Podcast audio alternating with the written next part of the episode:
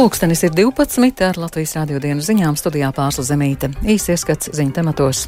Krievijas dronu uzbrukumā Odesā vairāk nogalinātie arī trīs mēnešus vecs bērns. Romā notiek Eiropas sociāldemokrātu priekšvēlēšanu kongress. Nevalstiskās organizācijas aicina būvobjektos nodrošināt vides pieejamības speciālistus. Krievija uz Ukrainu naktī raidījusi 17 triecienu dronu šahedu un Ukrainas pretgājas aizsardzības spēki notriekuši 14 no tiem. Krievija uzbrukusi arī ar trim vadāmajām aviācijas raķetēm H-59, H-35. Odesā un Harkivas apgabalā ir bojāgājušie un ievainotie. Odesā daļai sagrauta deviņu stāvu dzīvojamā māja.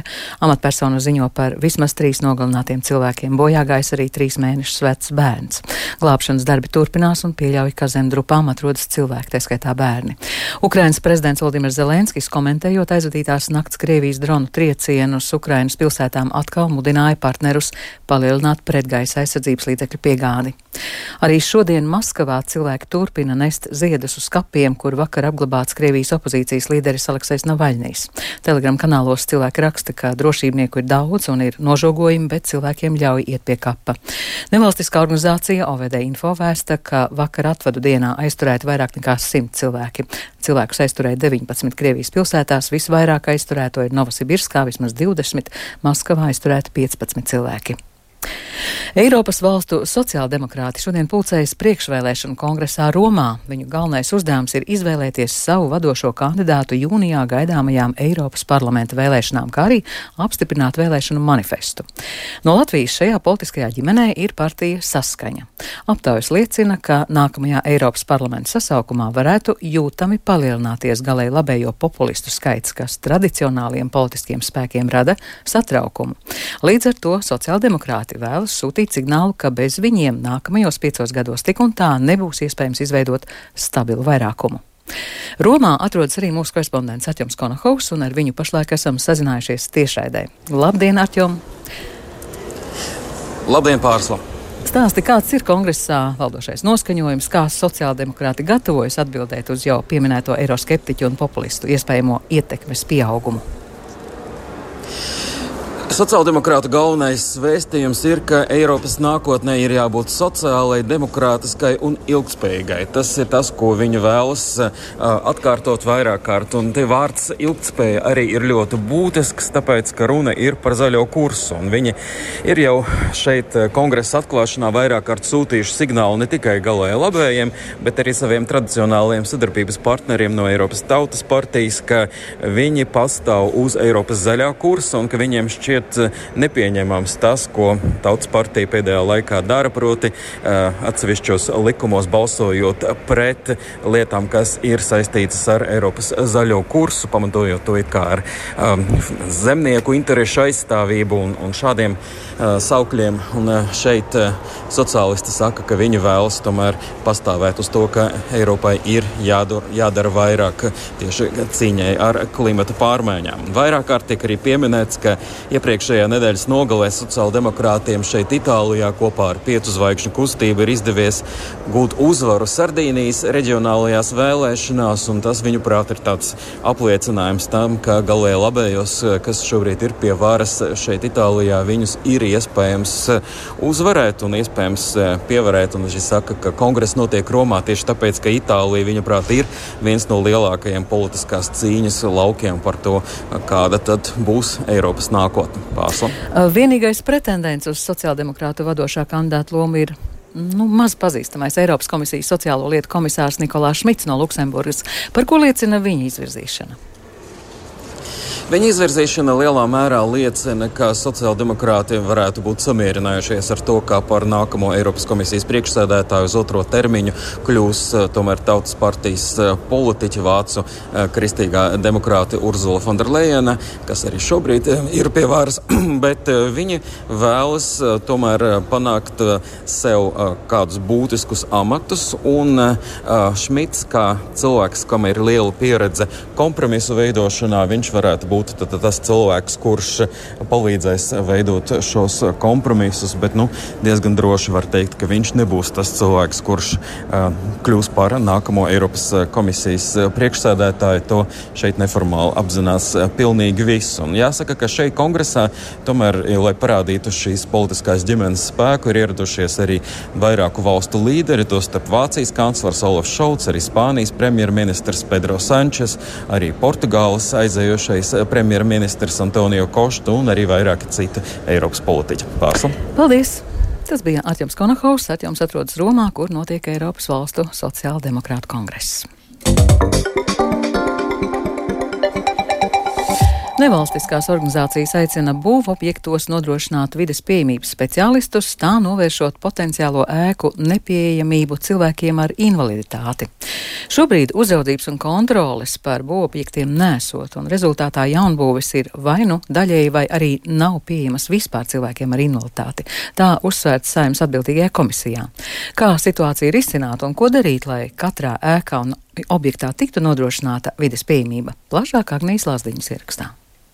Savulaik situāciju par vidas pieejamību būvu objektos uzraudzījusi būvvalde, taču tagad tā vairs nesot un visa atbildība gulstoties uz arhitektu pleciem, kuri nevienmēr ievērojot nepieciešamās specifikācijas, lai, piemēram, cilvēki ar kustību traucējumiem varētu iekļūt ēkā. Tā norāda invalīdu un viņu draugu apvienības apērons valdes priekšsēdētājs Ivars Balodis. Viņš skaidro, ka vidas pieejamību bieži vien saista tikai ar pacēlājiem un uzbrauktavēm, taču tā attiecas arī uz cilvēkiem ar redzes vai dzirdes invaliditāti invaliditāti, kuriem nepieciešamas akustiskās dzirdes cilpas, surdotulki, vadlīnijas, kā pārvietoties pa pilsētu un citi. Par to esot runāts jau gadiem, taču jautājumi vienmēr esot atlikti, pieļaujot, ka problēma atrisināsies pati no sevis. Turpina Ivars Balodis. Pieejamā vide ir viens no pamatnosacījumiem, lai vispār cilvēki ar invaliditāti varētu iziet ārā, un tā pieejamā vide ir kļūst svarīga, man liekas, ka visai sabiedrībai, jo arī vecāku gadu gājumu cilvēkiem pieejama vide ir viens no izšķirošiem faktoriem kaut kur doties vai nedoties. Tāpat arī turismā, man liekas, ka pieejama vidi tas ir viens no svarīgiem būtiskiem faktoriem, lai turisti pēc iespējas vairāk vienā vai otrā vietā ierastos. Lai situāciju risinātu, Saimas cilvēktiesību un sabiedrisko lietu komisijas sēdē apspriesti divi potenciālie varianti, proti katrā pašvaldībā ieviest cilvēku, kas atbild par vidas pieejamības nodrošināšanu, uzraugot būvobjektus un risinot citus neskaidros jautājumus, vai arī izlases kārtībā pārbaudīt Latvijā noteiktā laika posmā būvētos objektus un pārbaudīt, vai tiek ievēroti būvnormas normatīvi un tie ir jēgpilni. Runājot par vīdes pieejamības speciālistu būvobjektos, Latvijas būvnieku asociācijas prezidents Normons Grīnbergs uzsver, ka tas radītu papildu slogu, jo kontrolējošo acu pāru esot pietiekami daudz. Vides pieejamība, protams, ir ļoti svarīga un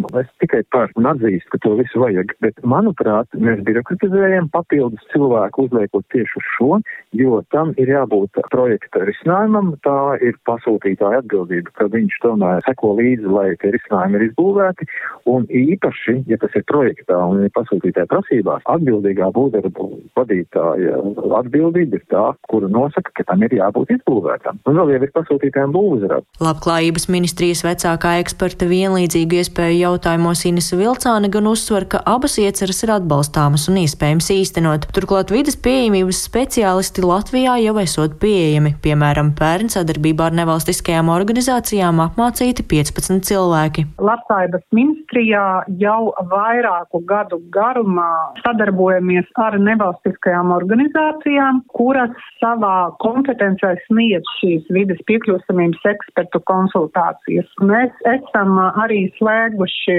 savulaik pakalpojumu līgumus un esam nodrošinājuši šīs vides piekļūstamības konsultācijas Eiropas Savienības fondu līdzfinansētajos projektos. Saimas atbildīgajā komisijā lemts turpināt turpināt diskusijas, iesaistot arī atbildīgās ministrijas. Agnija Lazdiņa, Latvijas radio.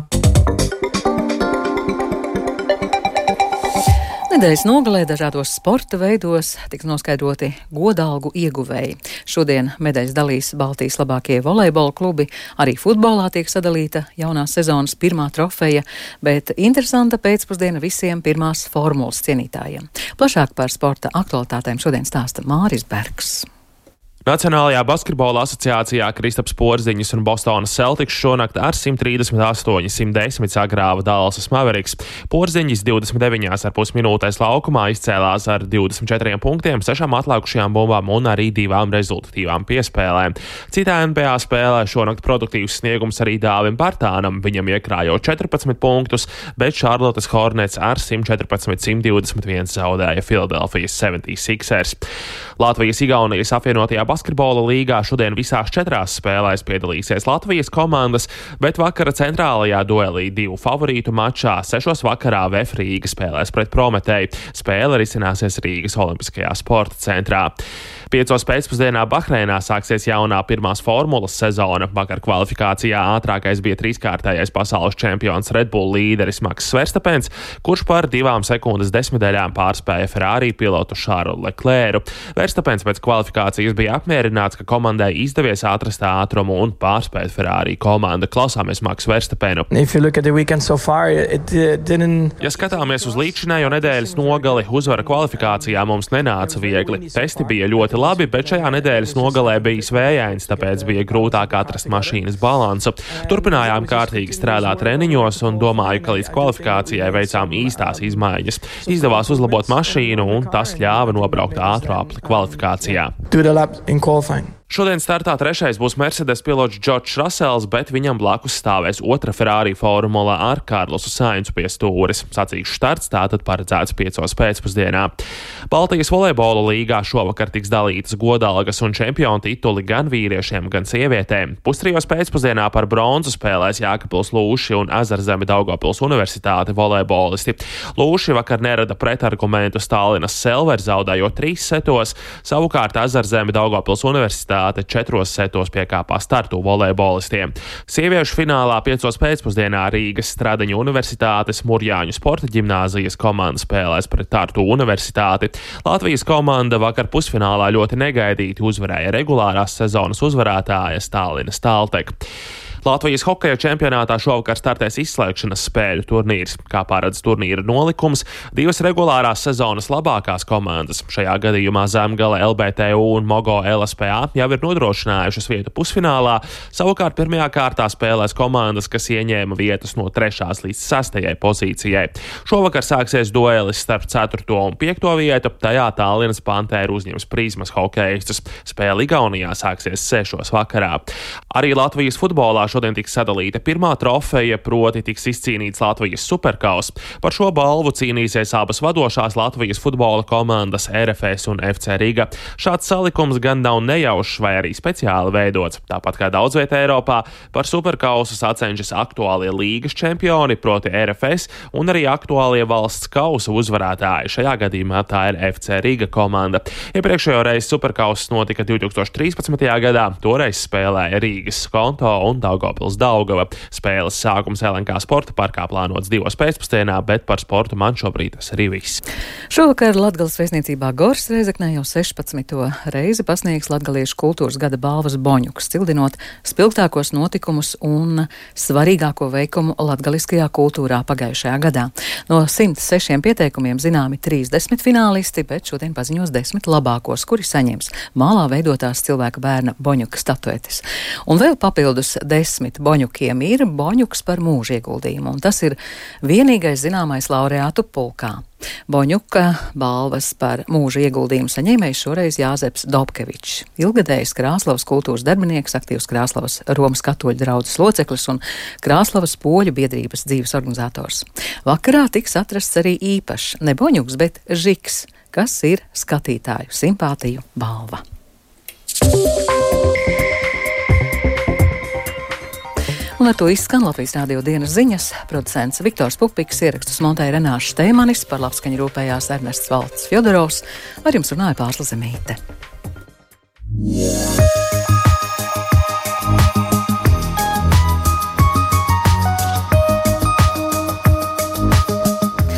Latvijas vides geoloģijas un meteoroloģijas centrs informē Rīgā pat labam gaisa temperatūra 7 grādi, dienvidaustrumu vējš 5 m2, gaisa spiediens 769 mm, gaisa relatīvais mitrums 69%. Šodien Latvijā mākoņains, dienā daudz viet skaidrosies bez nokrišņiem, dienvidaustrumu austrumu vējš 4,9, līča kurzemes piekrastē brāzmās līdz 14 m2. Gaisa temperatūra šodien Latvijā 6,11 grādi, bet vietām līča piekrastē 4. 6 grādi. Rīgā mākoņains brīžiem skaidrosies, bez nokrišņiem, dienvidu austrumu austrumu vējš 4,7 m2. Rīgā gaisa temperatūra ap 10 grādiem. Laika tips šodien otrais - labvēlīgs.